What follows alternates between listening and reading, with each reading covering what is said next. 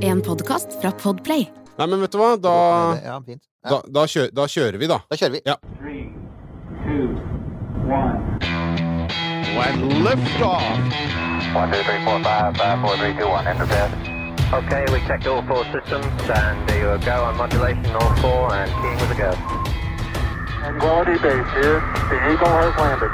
Velkommen tilbake til trygge, kontrollerte omgivelser. Til god lyd, kan vi si det, Nils Johan? Ja, la oss si det. Velkommen tilbake til trygge omgivelser i kapselen, hvor vi har kontroll på nesten alt. Smooth sound. Ja, jeg må bare få lov til å beklage uh, forrige ukes episode, som uh, ble publisert under sterk tvil fra undertegnede.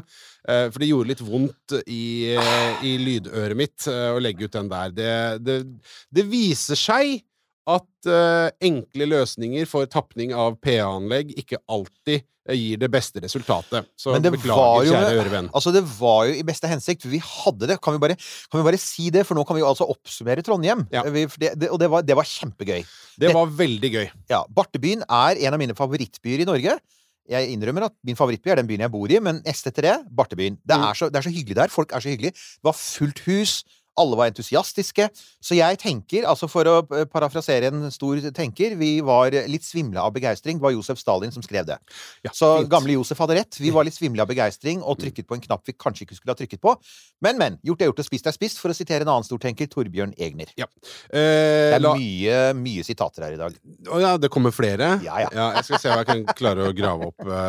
Um, vi skal ikke gå dypere inn i Stalin eh, på dette. Jeg tror ikke vi gjør det. Vi stopper der. Vi stopper der. Eh, vi eh, skal eh, selvfølgelig snakke om ting som er litt mer romrelatert enn Stalin, la oss si det sånn. Eh, og eh, en slags oppsummering av litt eh, current affairs. eh, Det skjer mye. Nok en gang. Det har skjedd mye i rommet. Og faktisk, altså mens du For du er da nettopp kommet av Kiel-ferja. Jeg kommer rett fra Kiel-ferja, altså vært eh, på jobb eh, på Kiel-ferga. Ja. Så- Party, party, som vi sier. Um, Ja, det er, det, vi- det, er, det det vi skal jobbe for at det ikke skal være assosiert med. Da. At det skal være saklig, det. det har vært saklig arbeid. det er saklig arbeid. Ja. Isolert på sjøen med masse alkohol. Sånn er det. Saklig arbeid. sånn er det. Men mens du var på Mens du liksom tøffa inn eh, Oslofjorden, Ja. så skjedde det jo faktisk en interessant ting i rommet. Og Ja. det var at um, eh, Crew 6, altså eller Crew Dragon, Ja. Dokket med ISS, den internasjonale romstasjonen. Det var en vellykket dokking. Det var litt tekniske problemer for å, komme, for å få låse seg fast. Men da ordna seg, og det er jo veldig hyggelig. Altså, det er jo hyggelig når ting funker. De hadde jo en prikkfri oppskyting etter en scrub. Uh, Ingen lekkasjer. Ingen lekkasjer. Det ser fint ut.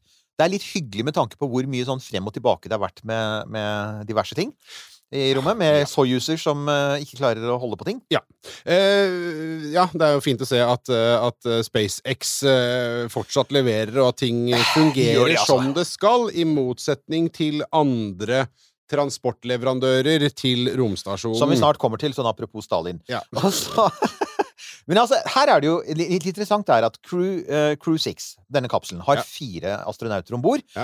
Det er to amerikanere. Stephen Bowen, erfaren astronaut, fire ferder. Uh, og så er det en som heter Warren Hoburg. Han er førstereisgutt. Det er også mission specialist nummer én. Det er sultan al-Neyadi fra De forente arabiske emirater. Ja, det festa jeg meg er ved. litt- Og han er, vel, er han den første derfra? Eller han, det det som- han er den andre, er han ikke det? Ja, det er, det er det han er. Ja. Og da bare tenker jeg igjen, altså. Igjen, vi har ennå ingen nordmann i rommet. Mhm. Og de har altså, før da sultan al-Niyadi, var det Hassa al-Mansouri. Ja. Og det var sånn, og ikke bare det, men Hassa al-Mansouri, han har fløyet to ganger med Soyuz. Ja. Så det er sånn, what? Dette går ikke an. Men eh, jeg tenkte også den tanken der at det var jo litt artig, altså romfartsnasjon. Men nå vet vi jo at eh, De forente arabiske emirater har jo hatt eh, andre endeavors in space. Ja. Uh, men Det har de. Mars-sonde, og de, de snakker jo om å bygge sånne der, eh, prototyp eh, Mars-byer ute i ørkenen og sånn, så de er på gamet.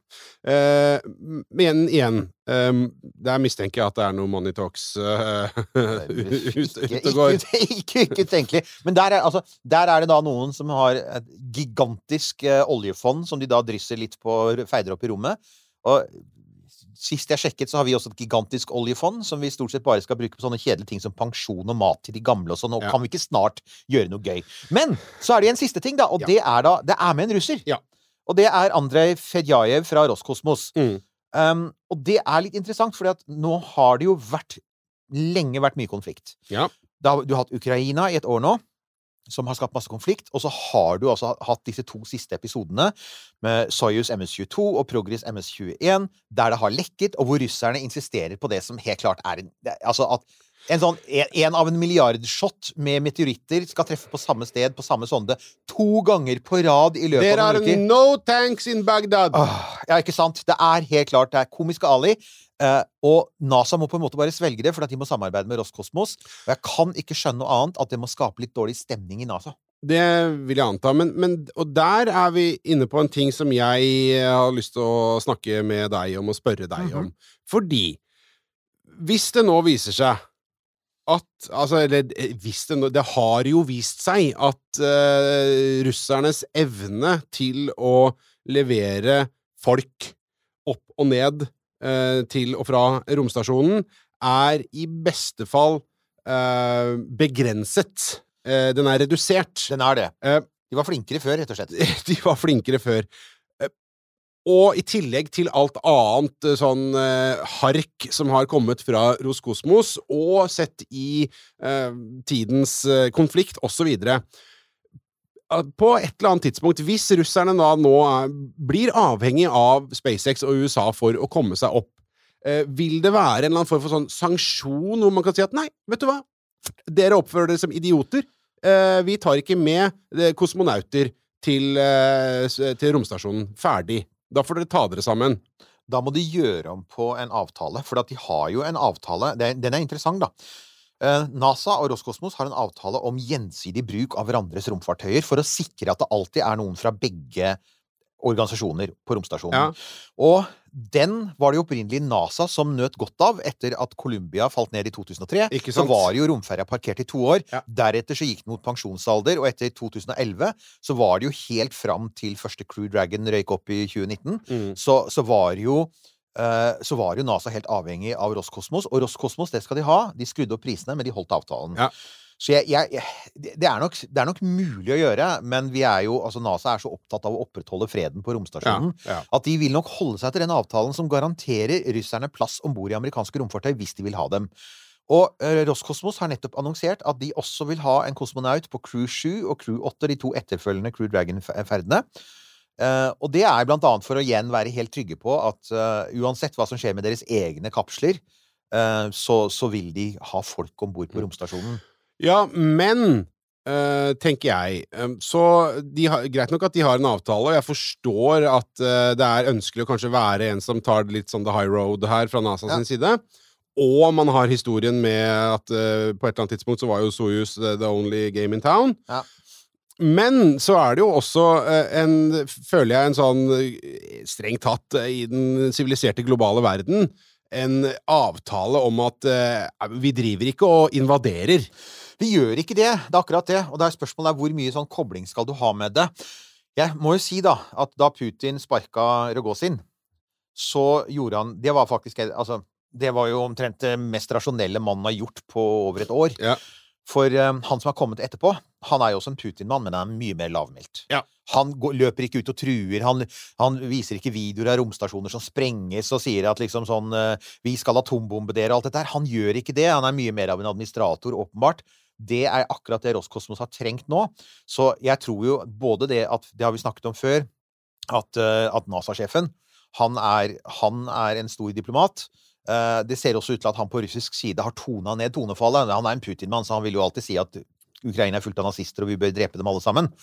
Men, men han gjør det på en mer diplomatisk måte.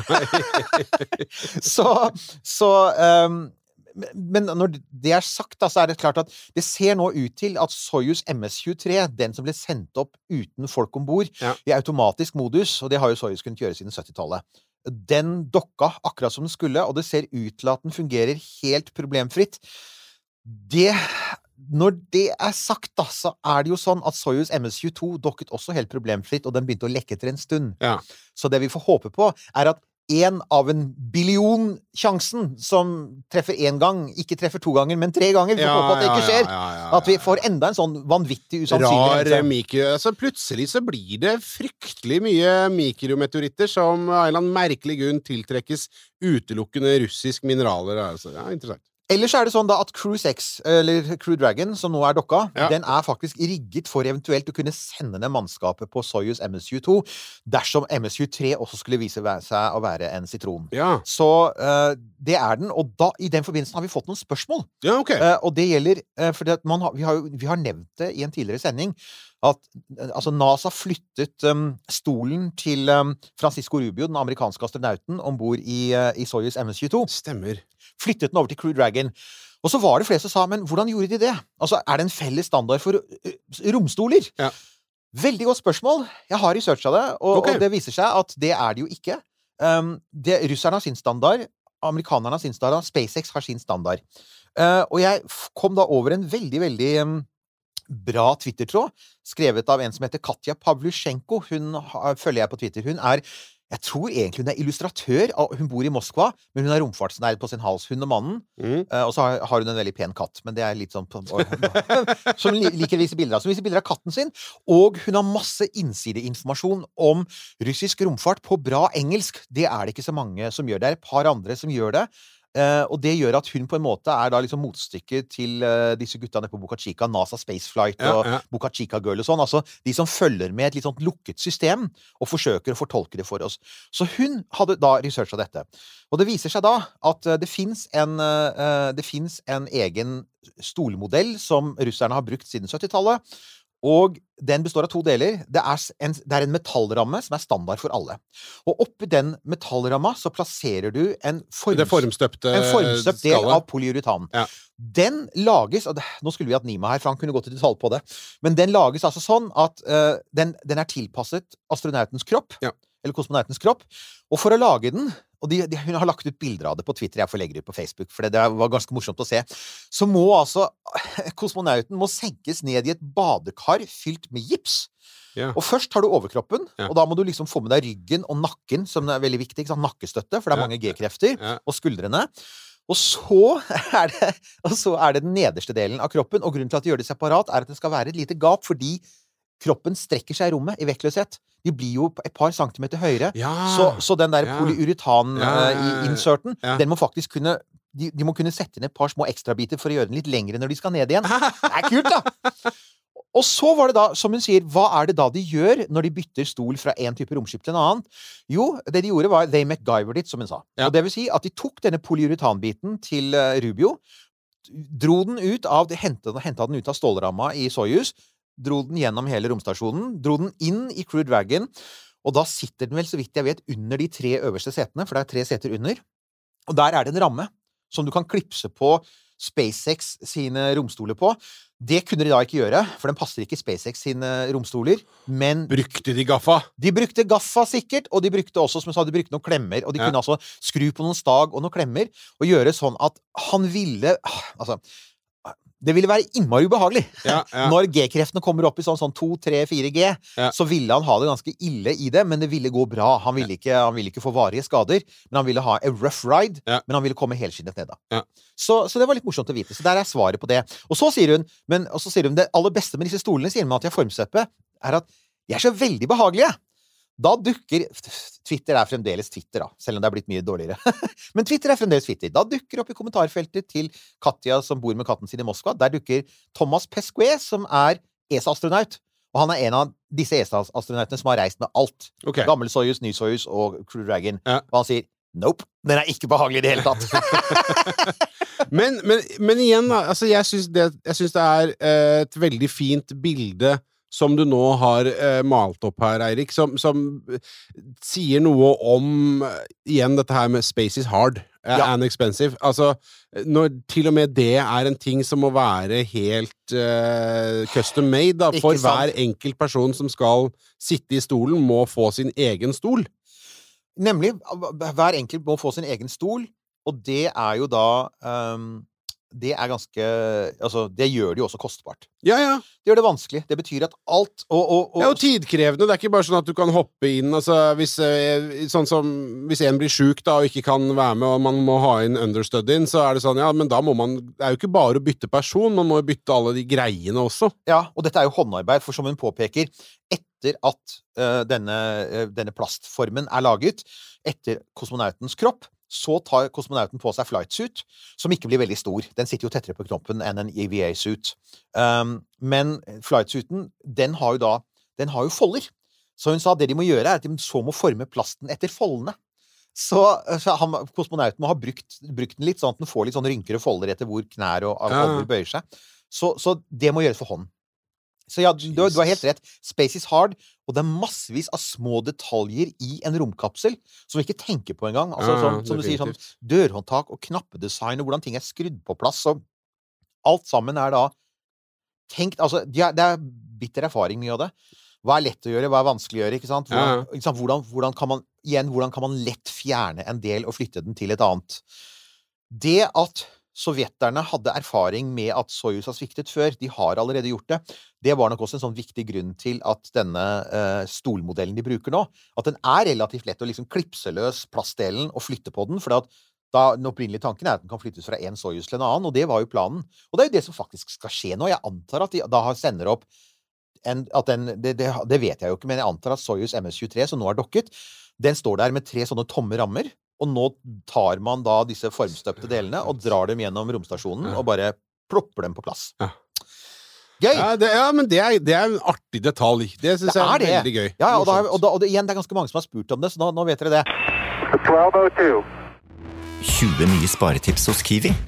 Mitt aller beste sparetips er First Price familiepizza. Garantert billigst i Kiwi. Nå får du 1 kilo First Price familiepizza til 59,90, 900 gram First Price stekte kjøttboller til 59,90 og mange andre First Price-nyheter hos Kiwi. Uh, Starship. Starship. De må det. eh, they built this city. They built this city. Rock and roll. Ja, Is the station that rocks! Det var litt sang òg. Ja, litt sang. Ok, yep. eh, hva har skjedd der siden uh, den såkalte fullstack-testen, da? Nei, det var det, ikke sant? For vi, vi Snakket vi om det i Trondheim? Ja, vi var innom det. Vi var innom det. Så vi var Ja. innom at det var, det, det var ikke full duration. Det var fem sekunder istedenfor 180, og det var 50% motorstyrke, og det var 31 av 33 motorer. Det ble litt forvirring fordi at SpaceX insisterte på at det var full duration, og det er litt som sånn full self-driving. Altså, det, det, Ja. det, det var det ikke. Du, du sier én ting, men produktet viser seg å være noe Ja. litt annet. Kanskje litt lane assist. Ja! Ja, med Ja, ikke sant? Det er litt der vi er. Eh, og, og det er viktig å huske på, fordi uh, NASA og Roskosmos, de kjører Altså, når, når, når NASA sier full duration, for eksempel med SLS De, Ja. de, de kjørte jo en full duration-test med motorene til SLS i fjor. Uh, og, og det var det. Da kjører du de fulle sånn to, tre, fire minuttene, eller hva det er. Jeg tror det er litt lengre for, for, for SLS. Men for, for, um, uh, for Starship så, så regner man med ca. 180 sekunder. Um, så, så kan man si ja, hvorfor, hvorfor gjør ikke SpaceX det da? For når én motor svikter noen få sekunder ut i en femsekunders test, så er det et tegn på, og dette vet vi, disse Raptor-motorene har hatt pålitelighetsproblemer. mm. De har sviktet før. Vi har sett det under disse tidligere testene hvor ting har ryddet lite grann. SpaceX sier ingenting. SpaceX er som vanligvis altså, Det vil si, Elon Musk sier ingenting, for han er SpaceX pressekontor. Og han retweeter nå liksom bare sånn han, han sier veldig lite om det. Ja. Men den, den innlysende forklaringen er jo at å bygge en sånn teststand den som SLS har brukt, den som romferja brukte, den som Apollo brukte NASA har bygd dem før. De er gigantiske. Det er så svære bygninger, det er er svære tårn, og de skal Ja, holde mange har sikkert sett bilde av de ikke der, sant? Med sånne dype riggene. flammegroper, masse sensorer, massevis av hydra hydraulikk, vannersystemer, ikke sant? støydempning. Det er svinedyrt, og det har ikke SpaceX penger til, rett og slett. Jeg tror du kan si det så enkelt som det. Dette prosjektet er allerede veldig dyrt. De har bygd en utrolig simpel oppskytingsplattform. Uh, mange mener at den er for svak. Det vet vi ikke før de skyter opp, for de, skjøt, de avfyrte jo bare på halv styrke. Ikke sant? Så det vet vi jo ikke før de skyter opp. Jeg, jeg tror, for jeg er helt ærlig, så tror jeg at den opprinnelige planen, det vi har snakket om tidligere, med at SpaceX likte å, å, å la se ting eksplodere fordi de lærte det, lærte av det. Jeg tror den opprinnelige planen var å lære av å skyte opp massevis av billige Starships Ja, og se dem eksplodere. de, liksom. Ja. Det, kunne, det ville være billigere enn å bygge en full teststand med Ja. alt det innebærer. Og ikke minst med tanke på at tross alt da, Starship skal gå i rute, og det skal bli som et trafikkfly, og da står du der med den dyre teststanden som Jo, jo, jo, men, men, men, men da, da har de jo ikke tatt høyde for den signaleffekten det gir, da, å sende opp en masse ja. Starships som eksploderer eh, på et eh, dårlig tidspunkt. Altså, alle tidspunkt er jo selvfølgelig Eh, dårlig for eksplosjon. Men har ikke, da har man ikke tatt det ordentlig inn over seg, sett i lys av det presset som på en måte ligger på Starship eh, og på SpaceX for å levere nå. Eh, og når de da kommer med denne testen, som er veldig sånn, i beste fall half-assed, Mm. eh, som forteller dem hva da? Jo, at det, det, mesteparten fungerer i fem sekunder. Ja, det og det. er jo det Hva skal du hente ut av det, da? Ingenting, nesten. Nei, jeg, jeg er fremdeles der. Jeg tror altså hvis, hvis Musk hadde kunnet, så ville han ha kjørt tester raskere og latt det eksplodere oftere. Men det fins jo gode grunner til at han ikke kan gjøre det. For det første så har jo nå miljømyndighetene i Texas helt, sagt helt tydelig altså Boca Chica ligger omgitt av fire naturreservater. Du får ikke lov til å detonere små atombomber over naturreservater. Selv ikke i USA. Nei. Selv ikke milliardærer i Texas får lov til å gjøre det. Nei. Finn en sånn eh, trivelig liten stillehavsøy og gjør det der isteden. Ja, gjør det der. Ja. Ditto for Cape. Ja. For da, han har da sagt ja, men da flytter vi til Cape, da. Og da har NASA vært veldig tydelig og sagt Ja. vi vil ikke se masse digre rudder over våre legendariske oppskytingstårn. Ja. Vi vil ikke se LC-39 fly helt til Titusville i småbiter. Det vil vi ikke se, så han kan ikke gjøre det heller. Så jeg tror, så jeg tror det, er, den, det er den ene tingen. Og det andre er at NASA, heller, NASA har nå bundet seg litt til masta her. De har gitt dem 3 milliarder dollar for å fly til månen.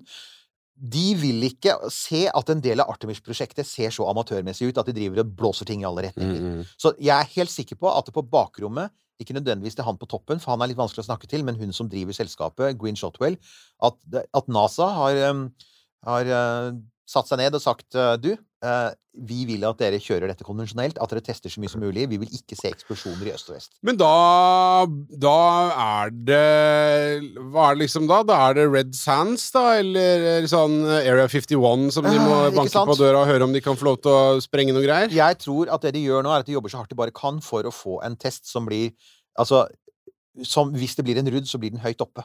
Ja. For at hvis den blir høyt oppe, så er det noe annet. Da faller det noen metallbiter nedover Cuba, og det kan ja, Vent litt, vent litt! Vent litt, vent litt. Rakett, raketter over Cuba Ja, rakettbiter over Cuba. Kanskje ikke det. Men i hvert fall, høyt oppe, det kan de leve med. Det er disse her eksplosjonene nær bakken, som vi har hatt flere av i tidligere tester, det er de man ikke vil ha. Uh, det vi ser, da for at, altså Igjen, SpaceX sier ingenting. Men våre venner i NASA Spaceflight, de som altså bor der nede, og som lever av donasjoner på Patrion og, og litt sånn eh, YouTube-reklameinntekter, de har jo alle kameraene sine rettet mot, og de har daglige sendinger. Jeg ser dem jo. Jeg, jeg syns de er litt slitsomme. Nummer én, de er, det er ikke alle der som er like gode til å snakke i kamera. Det andre er at de er veldig fanboys. Så Ja. all, absolutt alt tolkes i absolutt beste mening. NASA er snegler. NASA er gamle dager. Eh, i- ignorer at NASA faktisk sendte en rakett rundt månen for ikke så lenge siden. Det som, er, det, det som skal forandre verden og redde alle og gjøre selvkjørende biler til Mars, det er det som skjer nå. ikke sant?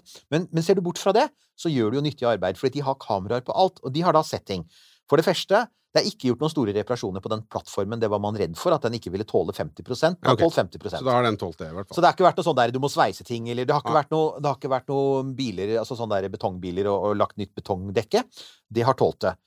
Det andre er at man ser at det nå monteres mer sånn beskyttelsesutstyr utstyr mot flammer og trykk, og man skal også montere noe sånn vanndempningsutstyr. Og det tredje er at de motorene som ikke fungerte eh, under den første testen, de er ikke demontert. Det ser ut som de er fiksa på standen. Okay. Og det tas som et godt tegn. Det betyr at antagelig da var det ikke så alvorlig. ikke sant? Han har antagelig ikke smelta innvendig, men Nei. det var ikke så alvorlig. Så det man håper på, da, det er jo eh, Og det du ser av aktiviteten på paden nå, er oppskyting nærmer seg. Det må skje noe snart. Igjen, eh, det handler om, det handler om tidspress, det handler om NASA-tidspress, det handler om økonomisk press. De må få opp Starling-satellitter. Ja, ja. Det er masse som skal skje nå. Eh, Så mars, altså denne måneden her, er fremdeles det folk flest regner med, og så har de begynt å spekulere når skal det skje. Noen sier 11. mars, noen sier helt i slutten av mars. Det veit vi jo ikke igjen, for ingen vet hvor eh, Elon har en hopper. Men han har ikke sagt noe annet enn at det blir i mars. Oh. Så lenge han Ja, så det så lenge At det blir en oppskytning? Det blir en oppskyting i løpet Ikke en ny test, det blir en oppskytning. Oppskyting ser det ut til, og det ser heller ikke ut til at det blir noen Oi. ny test før det. Oi. Så, og i så fall så kan jeg si at den blir interessant, for da har du i praksis så har du ikke kjørt motorene som de skal, så, så lenge som de skal kjøres. Men, men da, da virker det jo som de eh, måte er tilbake på gamle takter. Med, sånn som du nevner, at det her skal det bare Her skyter vi opp og håper at det går bra, og rudder det, så lærer vi noe av det. Ja, jeg tror det de kommer til å gå for her, er å, som sagt de vil ikke ha en rudd nær, over, altså nær basen, for da tar det med seg store deler av basen. De vil ikke ha en, de vil ikke ha en rudd som sprer metallbiter over halve Sør-Texas. De vil ha en litt lengre oppe. Ja. Men ja, eh, sånn jeg tolker det nå, så virker det som om ikke det er noe særlig interesse for å kjøre en, en ny test for å bekrefte at alle motorene kjører, eksempel, ja, det, og at oppskytingsplattformen tåler 100 Det virker Når det, er noe gung-ho noe gung-ho eh, her, altså. Altså, hvis dette hadde Altså, de snakker jo om, de snakker jo om dette som et passasjerfly, ikke sant? Det er det de sier. Eller, eller transportfly. Altså, Starship skal bli fremtidens uh, motstykke til transportfly. Og så tenker jeg men altså, hvis flyprodusenten hadde testet flyene sine sånn altså, Du tester ikke der de egentlig skal fly, du tester bare i fem sekunder, du tester bare 50% motor... Altså, alle ville bare sagt 'hæ?! Du må jo selvfølgelig kjøre systemet med de spekkene det har. Ja, ja, ja. For te en, en test av et system innebærer altså det, Du tester jo ikke en bil på halv fart på feil underlag. Det høres litt ut som sånn utslippstest fra Wager-gruppen, dette her, syns jeg. Ja, det gjør det. er Veldig, her har man ratta på et eller annet Så, Så vi skal jo fortsatt ha livesending hvis det foregår på et menneskelig tidspunkt. Men vi kommer til å krysse både finger og tær, altså. Å, for det, dette her blir dritspennende. Det kommer, og vi, jeg vet ikke om vi skal ta opp veddemål. Vi kan ta opp sånne der uformelle veddemål. Ja, det... altså, sånn, så hva er Uh, for ja, Nå tror jeg vi er tilbake i sånn Elon pleide å si 50 sjanse for uh, litt sånn risikable oppskytinger. Han sa det om Falcon Heavy. 50 sjanse, ikke sant? Nå tror jeg helt klart vi er i 50 sjanse. Her tror jeg det er 50-50 for at det sier blam. Ja, jeg, altså jeg ser for meg at hvis det hadde vært en HMS-avdeling involvert her, så hadde de eh, sjøldaua ganske fort. Men den kontrasten da, er jo at Falcon 9 Ja. er jo helt fantastisk. Ja, ja. Den bare leverer. Den leverer. Den har nettopp satt rekord. Å. Den har uh, nettopp var det, landa 100 ganger. Mm. Uh, det er den raketten som nå er den tryggeste. Det er den raketten som har gått lengst uten sånn noen form for incidens. Ja. Uh, og man ligger an til å skyte opp mellom 80 og 100 Falcon 9-raketter i 2023. Oi, og det er like mange raketter som hele verden skjøt opp for noen få år siden. Så de har jo De har jo økt kraftig. Så skal det da sies at de fleste, de aller, aller fleste av de rakettene er Starlink. Mhm. Det vil si at det er selvkost. De tjener Mhm. ikke penger på det, de betaler for det. Ja. Og ikke minst, det, dette var ikke planen. På dette tidspunktet skulle Starship vært i rute Ja. og skutt opp de nye, tyngre versjon 2 Starlink-satellittene. Som har fire ganger så høy kapasitet og laserlink og masse kule ting. Ja. Og også mulighet for å kommunisere med mobiltelefoner på bakken. Altså masse sånne kule Jeg ting. så et bilde av en stack med sånne versjon 2-satellitter Ja. som sto klare til eh, launch. Ja, det ble skutt opp nettopp. Ja. Så de har begynt å skyte dem opp. Så det de har måttet gjøre, er å lage um, Starlink versjon 2 Mini. Og det er fint, bortsett fra at det betyr at de nå har tre forskjellige varianter av satellitten i produksjon, og det høres for et Altså, SpaceX er ikke et veldig stort selskap. Så de har allerede veldig mye på tallerkenen. Mm. eh, og nå må de lage tre forskjellige modeller av en satellitt de egentlig hadde planlagt å lage én av. Mm. Så for meg så, så Altså, det, det, er, det, er bra, altså det er bra de får dem opp for kundene, og de må gjøre det, for nå er kapasiteten i ferd med å sprenges mange steder. Eh, dette blir ikke et stort problem i Norge når det kommer på lufta her, for at det er så få folk her. Men i USA så har de jo mange steder nå begynt å se at folk får mye lavere båndbredde enn det de betalte for. Mm. Og da må du få Da må du øke kapasiteten. Men det er jo Altså, det går ikke med Falcon 9. Altså, planen er å skyte opp 40 000. Det er press fra mange sider her nå, for uh, Det er det, altså. det gjør ikke underverket for Elons mentale helse, dette her. Det gjør ikke det. Altså, bare for å se på regnestykket her, da. De skal skyte opp 40 000 satellitter eh, til det store nettverket. For at alt skal funke, og at Starling skal liksom sånn gi den dekningen man ønsker. Ja. 40 000 satellitter i lav jordbane. Satellittene har en gjennomsnittlig levetid på fire til fem år. Det betyr at i utgangspunktet skal du først skyte opp 40 000 satellitter, som Ja. hvis du gjør det med Falcon 9, krever noe sånt noe som 800 oppskytinger. Oi, I tillegg ja. så skal du hvert eneste år så skal du skyte opp 10 000 satellitter for å Erstatte. de som faller ned. Ja. Så dette er, dette er gigantisk oppskytingstakt. Og det er ikke bærekraftig på en flekk. Altså, det går ikke rundt med Falcon 9, og det vet alle. Så det vi ser nå, det er plaster på såret. Det er en midlertidig løsning. Det har ikke løst problemet. Starship må til. Uten Starship så tror jeg vi også kan si at på sikt så vil Starlink kollapse. Det er vanskelig å se noe annet. Den vil ikke kunne håndtere eh, bånd... Altså eh, det, Nei, nei, nei. det, det kundene krever, ikke sant? Nei, altså, den blir, blir offer for sin egen popularitet, da. Den gjør det. Ja. Og, og, og, hvis, og her er jo da det som er dilemmaet for Musk, da. Starlink ble inn, i 2015 lansert som det som skulle betale for Mars-prosjektet. Og det var fordi at han, han så for seg at de skulle tjene 30 milliarder dollar i året, som når du tenker på det, er vanvittig for en teleleverandør. 30 milliarder dollar i året skulle de tjene, og de pengene skulle da pumpes rett inn i Mars-prosjektet. uh, og betale for det, for han visste jo at NASA kommer ikke til å betale for disse koloniplanene. Det, det, du får ikke noe politiske penger for det. Du kan få penger kanskje for å sende to stykker og plante et flagg, sånn Apollo-style, Mm. men den der grandiose planen om en million mennesker på Mars, altså å bruke skattebetalernes penger på det, liksom midt i klimakrisen og eldrebølgen, det kan du bare glemme. Og det vet han. Han har sagt det selv. Han vet at det finnes et vindu som er noen kanskje 10-15 år stort, hvor det er mulig å tjene nok penger på dette her til at du kan betale for de første Mars-rakettene. Ja. Men igjen, alt henger på Starship. Ja, det er jo, det er jo om ikke annet, så, så er det jo en uh, cutting the margins-businessplan han har tegna opp her. Ja, her seiler han tett opp mot vinden, altså. Og det, det, er, det er det jo mange som har påpekt. Han er jo Tidlig i Star, Starlink-prosjektet så ble han jo Så var det jo folk som har jobbet med megakonstellasjoner før, som sier at det er nesten umulig å tjene penger på megakonstellasjoner. Uh, han må jo gjøre noen helt geniale grep for å få det til å gå rundt. Så langt så ser vi at systemet funker, og det har, har vært enormt viktig f.eks. i Ukraina. Men det er lønnsomheten. Den, Ja, men den, den vil- ennå. Men vil Starship, et fungerende, pålitelig Starship, løse alle hans problemer? Nei. Nei, ikke sant? ikke. Så da er det Det vil ikke det. if you do Altså, du vil jo da ha du vil, For at du, du, du må ha det fungerende. Eh, det må kunne brukes, gjenbrukes raskt. Og så er det det siste elementet med at det må være ekstremt billig.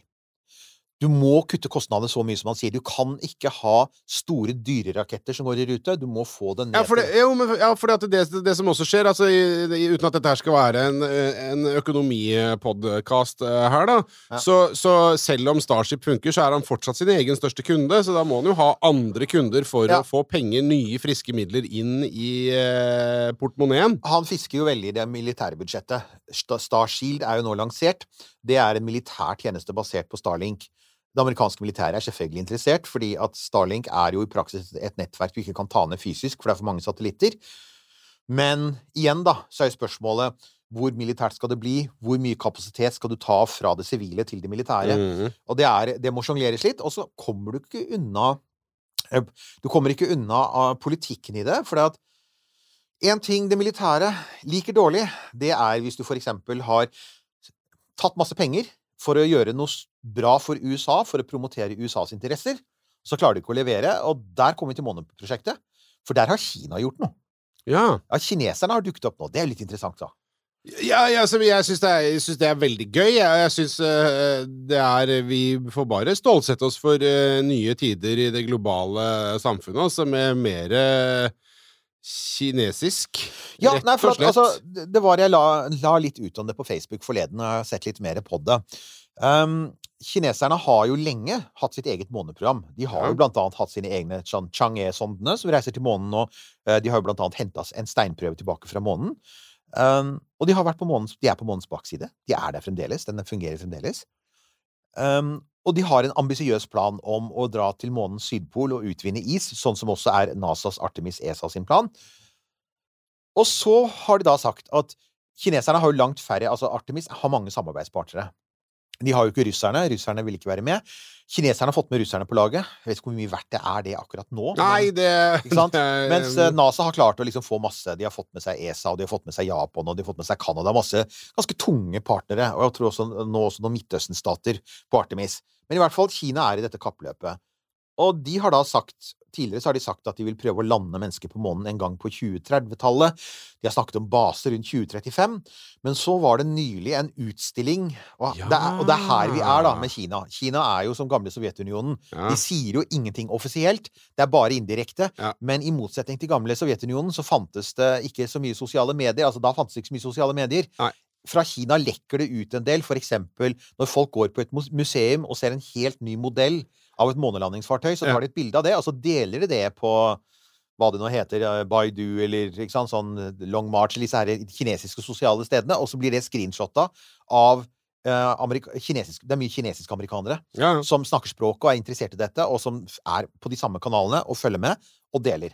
Så nå har vi da sett bildet av eh, en ny konseptmodell av den kinesiske månelanderen, og den ligner ganske mye på Lunar Module fra Apollo. ja, ja det, det gjør den. Men det er greit nok. Det er en klassisk modell. Og, Og, vi, og det de Ja, det er en klasse Og det de eh, som jeg ser der, som de har eh, gjort, da, eh, det er jo å ikke lage noe som er drithøyt, og som kan velte når som helst. ja, det er akkurat det. De har gått for en klassisk lav modell med sånn fire bein som er spredt utover, sånn at du får stabilitet. Det er festet en rover på siden som er sammenfelt, så det er litt sånn en, eh, litt igjen eh, NASA-aktig. De har en mye større motor, og det er fordi de skal til Sydpolen. Eh, Apollo kunne aldri ha dratt til Sydpolen. Apollo var helt avhengig av å holde seg ganske nær ekvator, fordi de hadde ikke brennstoff nok, rett og slett. Så, så Apollo-systemet hadde en del sånn innebygde begrensninger som, som kineserne da ikke behøver Altså kineserne ikke kommer til å ha, fordi at de planlegger ut fra at de skal til Sydpolen. Så, eh, og de sier da altså 2029, snakker de om nå. Ja. Og de viser også eh, Oi, de skal lande der i 2029, ja. De snakker nå om å lande der i 2029, og de har også presentert tror jeg på. nye Ja, det tror jeg på. Ja, og de har også presentert nye bilder av sin store eh, Saturn 5-klasserakett, Long March 9, som nå Nå har den, nå er den blitt gjenbrukbar, og den skal bruke metanmotorer. Så det er litt sånn eh, hallo, dette begynner å lukte veldig Starship. Men altså, på den annen side Altså Hvorfor ikke? Altså, det høres ut som en god plan for å redusere kostnader. Det er jo det, det, er jo det SpaceX sier. Den, er, den har et litt, en litt annet design enn Starship. Da. Den, ligner ikke så, den ser ikke så Tintin-aktig ut som Starship. Men for SpaceX så er jo dette ikke gode nyheter. For de trodde at de hadde god tid. Mm. De trodde at Altså, kontrakten med NASA, Human Landing Systems, som ble inngått i 2000, eh, 2021, hvor de ble tildelt 3 milliarder dollar Det er 30 milliarder kroner. Det er jo ikke småsummer, selv i romfartsbransjen for å bygge et månelandingsfartøy Ja. basert på Starship. Ja. Um, det, den kontrakten uh, som vi, har, vi hadde jo en sending med Nima i fjor høst, hvor vi gikk gjennom alle de tingene som ikke er gjort. Det er ingenting som tyder på at de har kommet noe lenger. Det er ikke kommet et hint fra systemet. Hadde det vært gjort noe der, så hadde vi visst det. Det, vi hadde, vi hadde fått, det hadde lekket ut noe. Og hadde det skjedd noe gøy, så hadde Elon skrytt om det. Det hadde han helt klart gjort. Han har ikke gjort det. Han har ikke hatt noen oppdatering om status for Starship i år. Han pleide jo å ha en årlig oppdatering. Han hadde en i 2022, han har ikke hatt den i 2023. Så det er helt klart at det skjer lite for tiden. Altså, de bygger på raketten, men alt det andre som må gjøres, live support eh, og spesialtilpasning til bruk på månen, eh, etterfylling av brennstoff i rommet, ser ut til at det står på stedet hvil. Jo, ja, men bare, altså, hvis vi bare spoler litt tilbake, da, så vet vi jo også at det har jo blitt sagt eh, fra både altså, det, det er vel Gwyn Shotwell som har sagt det, at det blir jo ikke aktuelt å human rate eh, Starship før den har fløyet. Det var ganske mange ganger som hun mente at den skulle fly før de i det hele tatt skulle begynne. Det var, var, ja, var hundrevis. eh. Og, Og- da skal du ha rutetrafikk! Så det, det blir jo det, det blir travelt her. Ja, altså det jeg tror planen deres er der, det er at de har tenkt å sende opp mesteparten av Starlink-nettverket med Starship før de begynner å sende mennesker opp. Da snakker vi om hundrevis av oppskytinger. Det er Ja, sant. ja. Det kan være riktig. Men, men da tenker vi altså, Da tenker vi jo ikke 2024, som står i kontrakten med NASA fra 2021. Nei, nei. For er det så, ikke, ikke, ikke før 2024, står det. Med andre ord så har de et slingringsmonn. Men Artemis er nå der. De har Artemis 2, som er planlagt for 2024-2025. Og så håper de at Artemis 3 skal kunne komme av gårde 2026 eller 2027, og det er da de skal lande. Og hvis vi snakker om 2027, som nå virker mest realistisk, så begynner du å bli innmari nær kineserne, og da forutsetter du at Da skal alt gå på skin skinner, da. alt skal gå på skinner. Og alle de ganske ambisiøse tinga som skal gjøres med etterfylling osv., så, videre, og så, videre, så Ja. da skal du ikke ha mye slinger i valsen Og der du skal før eh, du Ikke sant? fucker opp den tida. Og du skal ikke ha en rydd med mennesker om bord, for at da veit du at. NASA kommer til å stenge ned prosjektet i minst to år, for det har skjedd tidligere. Ja. Det skjedde med romferja begge gangene. To års nedstengning. Og da er, da er gamet åpent. Så det jeg tror kineserne nå gjør, er at de spiller et Altså, de spiller et spill, og kineserne har vært ganske flinke til å spille. Det, bare se på hvor mye de har oppnådd. Ja, ja. Eh, De har, de har vært ganske flinke så langt. Man skal ikke undervurdere dem. Så de sier ikke rett ut at de nå sikter mot å bli de første til å komme tilbake til månen, men eh, jeg det tipper er at vel ganske er åpenbart tipper- Ikke sant? at de skal at snappe noe foran nesa på noen der. Ja, jeg tror det. Eh, ellers så var det da en av våre eh, lyttere, Kjell Ove. Han eh, sa noe veldig fint på Facebook. Han sa at 'jeg heier på amerikanerne', sier han. Ikke mest av storpolitiske grunner eller på grunn av Elon. Rett og slett fordi at jeg vil vite og se mest mulig på veien. Ja. Det er veldig godt sagt. Ja, for at, det er er det vi snakker om her. Kineserne holder så mye skjult. Altså, kineserne For eksempel, de har nettopp offentliggjort at de hadde en romvandring for flere uker siden. Dette visste man jo, for du kan faktisk se fra bakken når kineserne har romvandringer. Såpass gode teleskoper har man. Men de, de ville ikke si noe. Men nå har de da anerkjent at det var en romvandring. Antagelig var det noe militært. Who knows? Mm. Men det er typisk kineserne. De holder det skjult. De, de, og, og de enten sier ikke noe, eller de lyver til det passer dem å si noe som ligner på sannheten. Og det er klart at hvis du skal ha et morsomt månekappløp Ja. med masse action og oppskytninger og ting som skjer, så er kineseren litt kjedelig, for de kommer bare til å fortelle deg om når alt går på skinner. ja, ja. Så, så jeg er helt enig. Men Eller så kommer de til å påstå at ting går på skinner, og at det var en del av planen uansett. det er en parentes rundt det, da. Okay. Det er en parentes rundt det, og det er um, Jeg er helt enig med Kjell Ove. NASA er sjukt mye bedre på åpenhet. De er bedre enn ESA på åpenhet. Ja. Men de har en samarbeidspartner, SpaceX, som ikke er god på åpenhet. Det Ja. vet vi jo. De er notorisk hemmelighetsfulle, og vi har jo snakket om før om at det kan de, fordi de er et privat selskap, og de har ikke den forpliktelsen. Problemet nå for NASA er at en helt avgjørende del av måneprogrammet nå, foregår nå i det skjulte. Vi får stort sett bare vite om hva som skjer med Starship når Elon gidder å tvitre om det, og han gidder ofte ikke det. Jeg er jo fremdeles på Twitter med romkapselkontoen. Jeg er der lite nå. En av grunnene er at Twitter blir jo verre for hver dag. For eksempel, jeg orket ikke å lese mer i Elon Musk, for han har så mye shitpostinger. Det er så lite romfart at jeg tenkte jeg stikker innom en gang i uka eller en gang i måneden og ser om han har skrevet noe vettugt. For ellers er det bare kryptoscams og woke og uh, alle disse rare memene hans, ikke sant? Uh, og sånn generell mental nedsmelting. Men nå Jeg slipper ikke unna Elon, for han overstyrer, eh, han overstyrer avfølging og blokkering. Så jeg får jo Elon nå rett inn i feeden, ja. Og der er det sånn Å, se på dette dog-memet. Nå skal jeg lage anti-woke kunstig intelligens. Og det var sånn Å, gud, kan ikke du bare bygge den raketten? Kan du ikke bare get to the point? Hørte jeg Howard Hughes? Du hører Howard Hughes. Altså, jeg ser, jeg ser eh, papirslippers og bathrobes og hotellrom plastet ned. Det ser jeg i hans fremtid. Men du eh, Får jeg bare avbryte deg litt grann på, på ranten der? Eh, og, og trekke inn eh, kappløpet, da. Månekappløpet her. Hvis eh, Og det er jo en god sannsynlighet da nå, eh, som det ser ut, for at kineserne eh, klarer dette, og klarer det Mhm. før eh, hvilken som helst annen konstellasjon som måtte få det til. Hva vil det ha da å si for eh, NASA, ESA, Artemis-prosjektet? Vil man da tenke at æh, æh, da Fuck it. eh, så må, må SpaceX på en eller annen måte kompensere disse pengene de har fått fra NASA, og, og finne på noe annet. eh, for da blir det plutselig ikke så viktig. Eh, man vil jo nødvendigvis endre takta, tenker jeg, i, i minste fall. 1202. 20 nye sparetips hos Kiwi. Mitt sparetips er nyheten fra First Price kylling lårfilet. Garantert billigst i Kiwi. Nå får du 900 gram First Price kylling lårfilet til 118,70. First Price ferske fiskepinner til 42,90. Og mange andre First Price-nyheter hos Kiwi. Altså, er flere mulige utganger her. Nå har jo NASA allerede De har gjort en litt unik ting, da. De har jo hentet inn anbud på et månelandingsfartøy til. Ja, det stemmer. Og det gjør at jeg mistenker jo at hvis det ser Hvis ikke det begynner å bli fart i det som må gjøres med eh, Lunar Starship ganske snart, Ja. så må NASA rett og slett be om ekstrabevilgninger og putte mer penger i alternativ 2.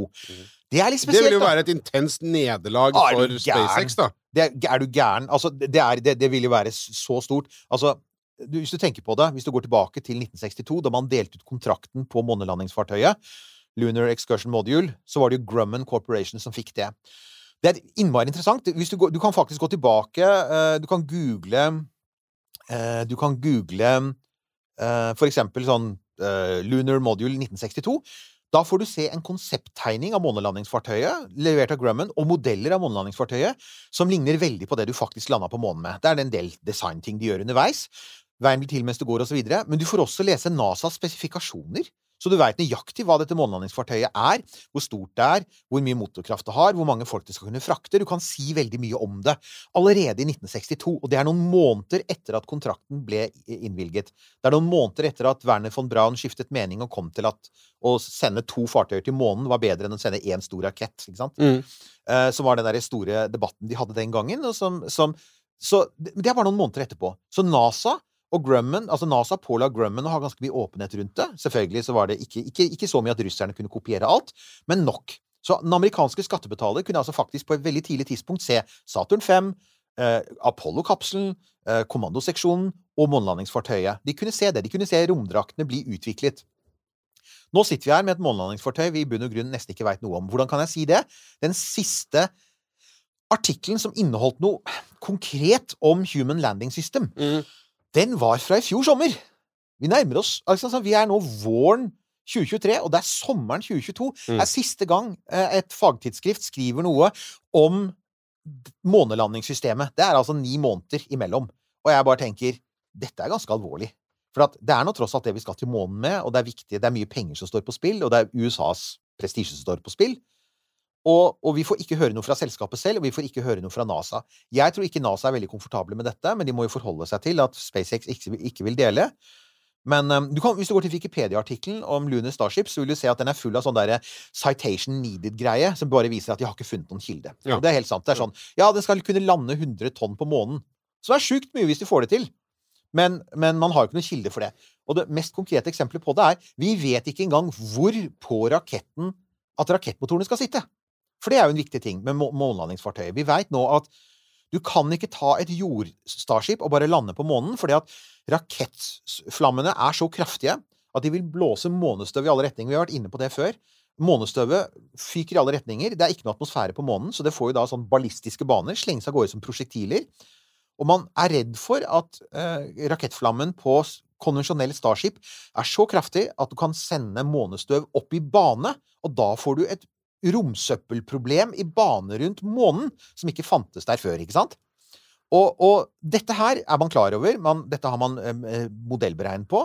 Så det fins én mulig, en mulig løsning som har vært foreslått, og det er å plassere landingsmotorene høyt oppe på Starship. Det er 50 meter høyt, som du sier. Det er et høyt tårn som kan velte. Ja. Så ca. 30 meter oppe, rett under mannskapsseksjonen, så ser man for seg at det plasseres en ring av raketter som peker nedover. Ja. Og så er det lett å tenke seg noen problemer med å ha rakettmotorene der, ikke sant? Ja.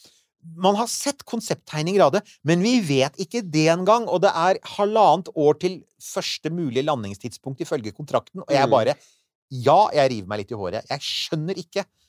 Hvordan kan vi la kineserne bare vinne på walkover? Ja, si det, men igjen, da. eh, Så var det dette her med at det er utrolig hva du får til når du har et litt sånn eh, passe totalitært samfunn. Ja, og det bare, er det. bare bestemmer seg for at det Ja. skal gjøres, og ikke trenger å forholde seg til uh, verken anbud eller underleverandører som eh, ikke nødvendigvis gjør som man sier. For er man underleverandør for noe kinesisk, så gjør man som man får beskjed om! Altså, jeg er helt sikker på Jeg er sikker på at NASA får mye mer informasjon om hva som skjer. Det får jeg da inderlig håpe. Ja, Men at NASA ikke deler noen gode nyheter fra progresjonen, forteller meg også at det er lite nyheter å dele. Ja. Uh, men NASA er ikke aleine i dette. For NASA er jo et offentlig organ. Det vil si at de er underlagt offentlige lover og regler, blant annet offentlige budsjettregler. Og i USA har du også noe som er de har, Du har et motstykke til vår riksrevisjon, som jo holder oppsyn med liksom hva som brukes av penger i Norge. Det heter General Accounting Office, hvis jeg heter GAO, og det har dukket opp flere ganger i forbindelse med Starship, fordi at Jeff, Jeff Bezos han eh, prøvde å pusse GAO på, på Starship. Han gjorde vel ikke Han gjorde det, men vet du hva? Her, altså, Jeff Bezos er jo ikke dum. Han vet hva han gjør. For at Ja. han vet at de 30, altså de der 3 milliarder dollarene, den gigantbevilgningen som gikk til, til, eh, til Elon Musk, altså det er offentlige penger. Og, og Riksrevisjonen i USA vil jo følge med på at de pengene blir brukt på riktig måte. Ja. Så om NASA forsømmer seg, om NASA lar det gå for lang tid, så vil det faktisk finnes andre myndigheter som kan gripe inn og si men unnskyld, hva skjedde med disse bevilgningene? Ikke sant? Hvordan er pengene blitt brukt? Dette har vi krav på å få vite. Og da kan ikke SpaceX gjemme seg. Og, og summa summarum her da er at presset er det at kineserne går ut og altså, Jeg lurer på om de har tima det. De ser hvordan SpaceX sliter på paden. Og så slipper de en nyhet nå om at nei, vi har tenkt å framskynde landinga vår med seks år, sånn at nå begynner den å ligge jævlig nær amerikanerne. Jeg lurer på om ikke det er litt sånn derre kineserne som, eh, som driver med er der en sånn finger eh, til eh, NASA og USA. ja, kødde litt, med, kødde litt med NASA, kødde litt med USA, og ikke minst kødde litt med hjernen til han derre superstressa fyren Ja. som allerede har 38 andre ting på, på tallerkenen sin, og nettopp har fått høre at, at nå må det skje noe snart. Ja. Ja, det er jo ikke den eh, Selvfølgelig ikke den beskjeden du egentlig har lyst til å få når du er pressa.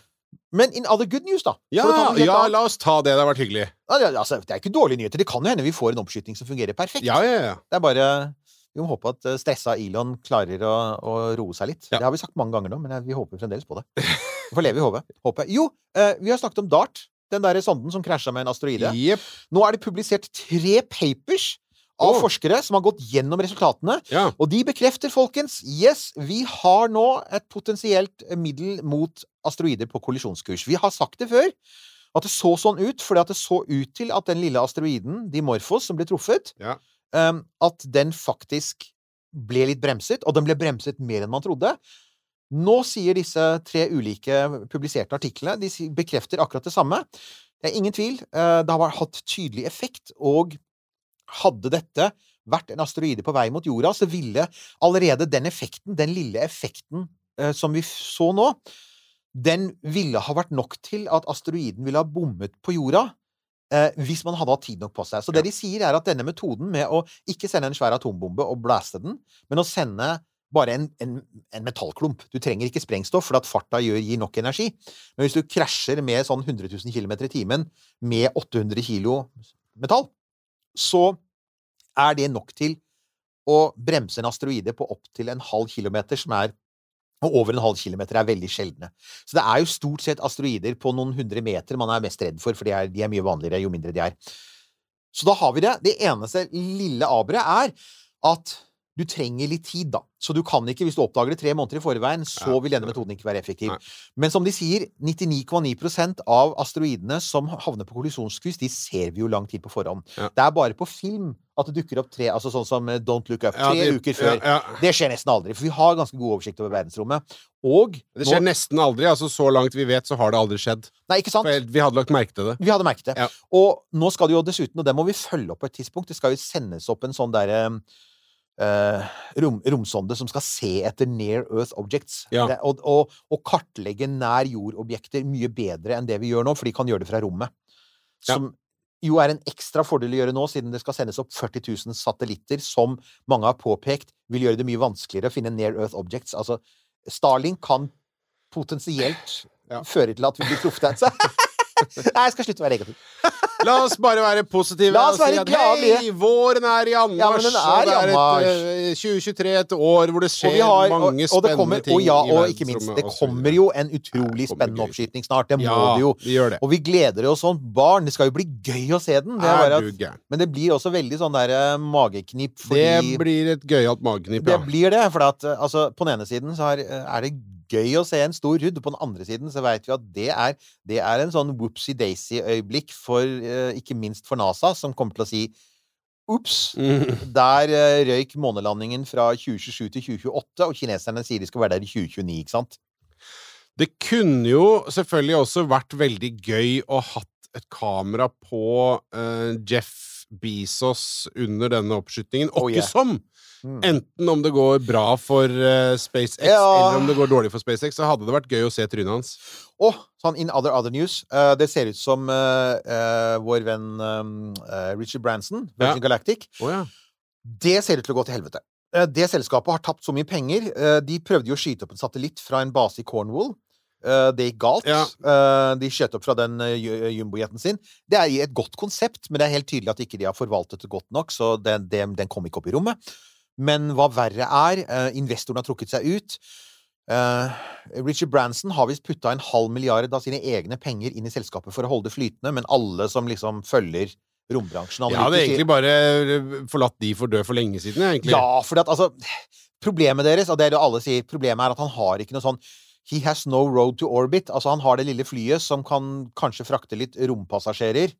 Um, men uh, det, det flyet vil aldri kunne fly opp i bane, og det er i bane de store pengene ligger. Ja. Det har faktisk Jeff Bezos skjønt, for han driver, han driver fremdeles og bygger på en rakett som skal opp i bane en gang. Men, eh, men eh, Richard Branson har ikke fått det til, og derfor så tror mange nå at før du aner ordet av det, så er Virgin Galactic ute av spillet. Det gjør jo at vi får færre romturister. Eh, Ja, og det gjør jo ikke egentlig noe. det betyr ikke noe egentlig, for at det var jo så dyrt uansett. Det. hadde jo selvfølgelig vært hyggelig om romturisme hadde vært altså Jo, men altså, da må det bli eh, Altså, det hadde, det hadde vært gøy Altså, det er, konseptet er jo artig, selvfølgelig, men det er jo, det er jo bare det. Eh, Og så, er det, så hadde det selvfølgelig vært mer artig hvis det hadde vært noe som hadde vært uh, tilgjengelig, kanskje ikke for, for Mm. hvermannsen, men for, eh, for de med litt mer midler, da, enn alle pengene i hele verden. mm, mm. Så det er jo bare en blipp. Ja, så for, oss, så for oss betyr det veldig lite. Og den uh, Og vi vet jo at de som har, allerede har betalt mange penger for å komme opp i verdensrommet uh, og ta med seg noen av kunstnervennene sine, de må vente litt. Ja, de må vente litt. Ja. Dare Moon tror jeg nå er Ja, skjøvet det- langt bak på Ja. Altså, det kan godt hende den flyr en dag, men det er eh, Ja. langt, langt inn i fremtiden. Og da ifølge Gwyn Shotwell etter flere hundre ferder med Ikke Starship. Så vil han kanskje ha noe valuta for penga sine etter hvert, da, han Miyazawa. Så Ja, han har vært veldig grei sånn, da. ja, da, han virker jo, Altså, det virker jo sånn. Han har, Men noe han har vært veldig grei sånn, og han har også veldig god råd, for han gikk og tok seg en ventepølse til 90 millioner dollar. ja, ja. Og dro opp med Soyuz isteden. Ja. Og jeg bare tenker, det er, altså, da har du god råd. Jeg kjeder meg litt, jeg. Det blir litt lenge å vente på den ferden, så nå bare bruker jeg 90 millioner dollar. Han fikk puste litt der, da. Men det kan, jeg lover å håpe at han har sendt et par sånne mailer med røde bokstaver til Elon Musk, da. Ja, det får vi håpe.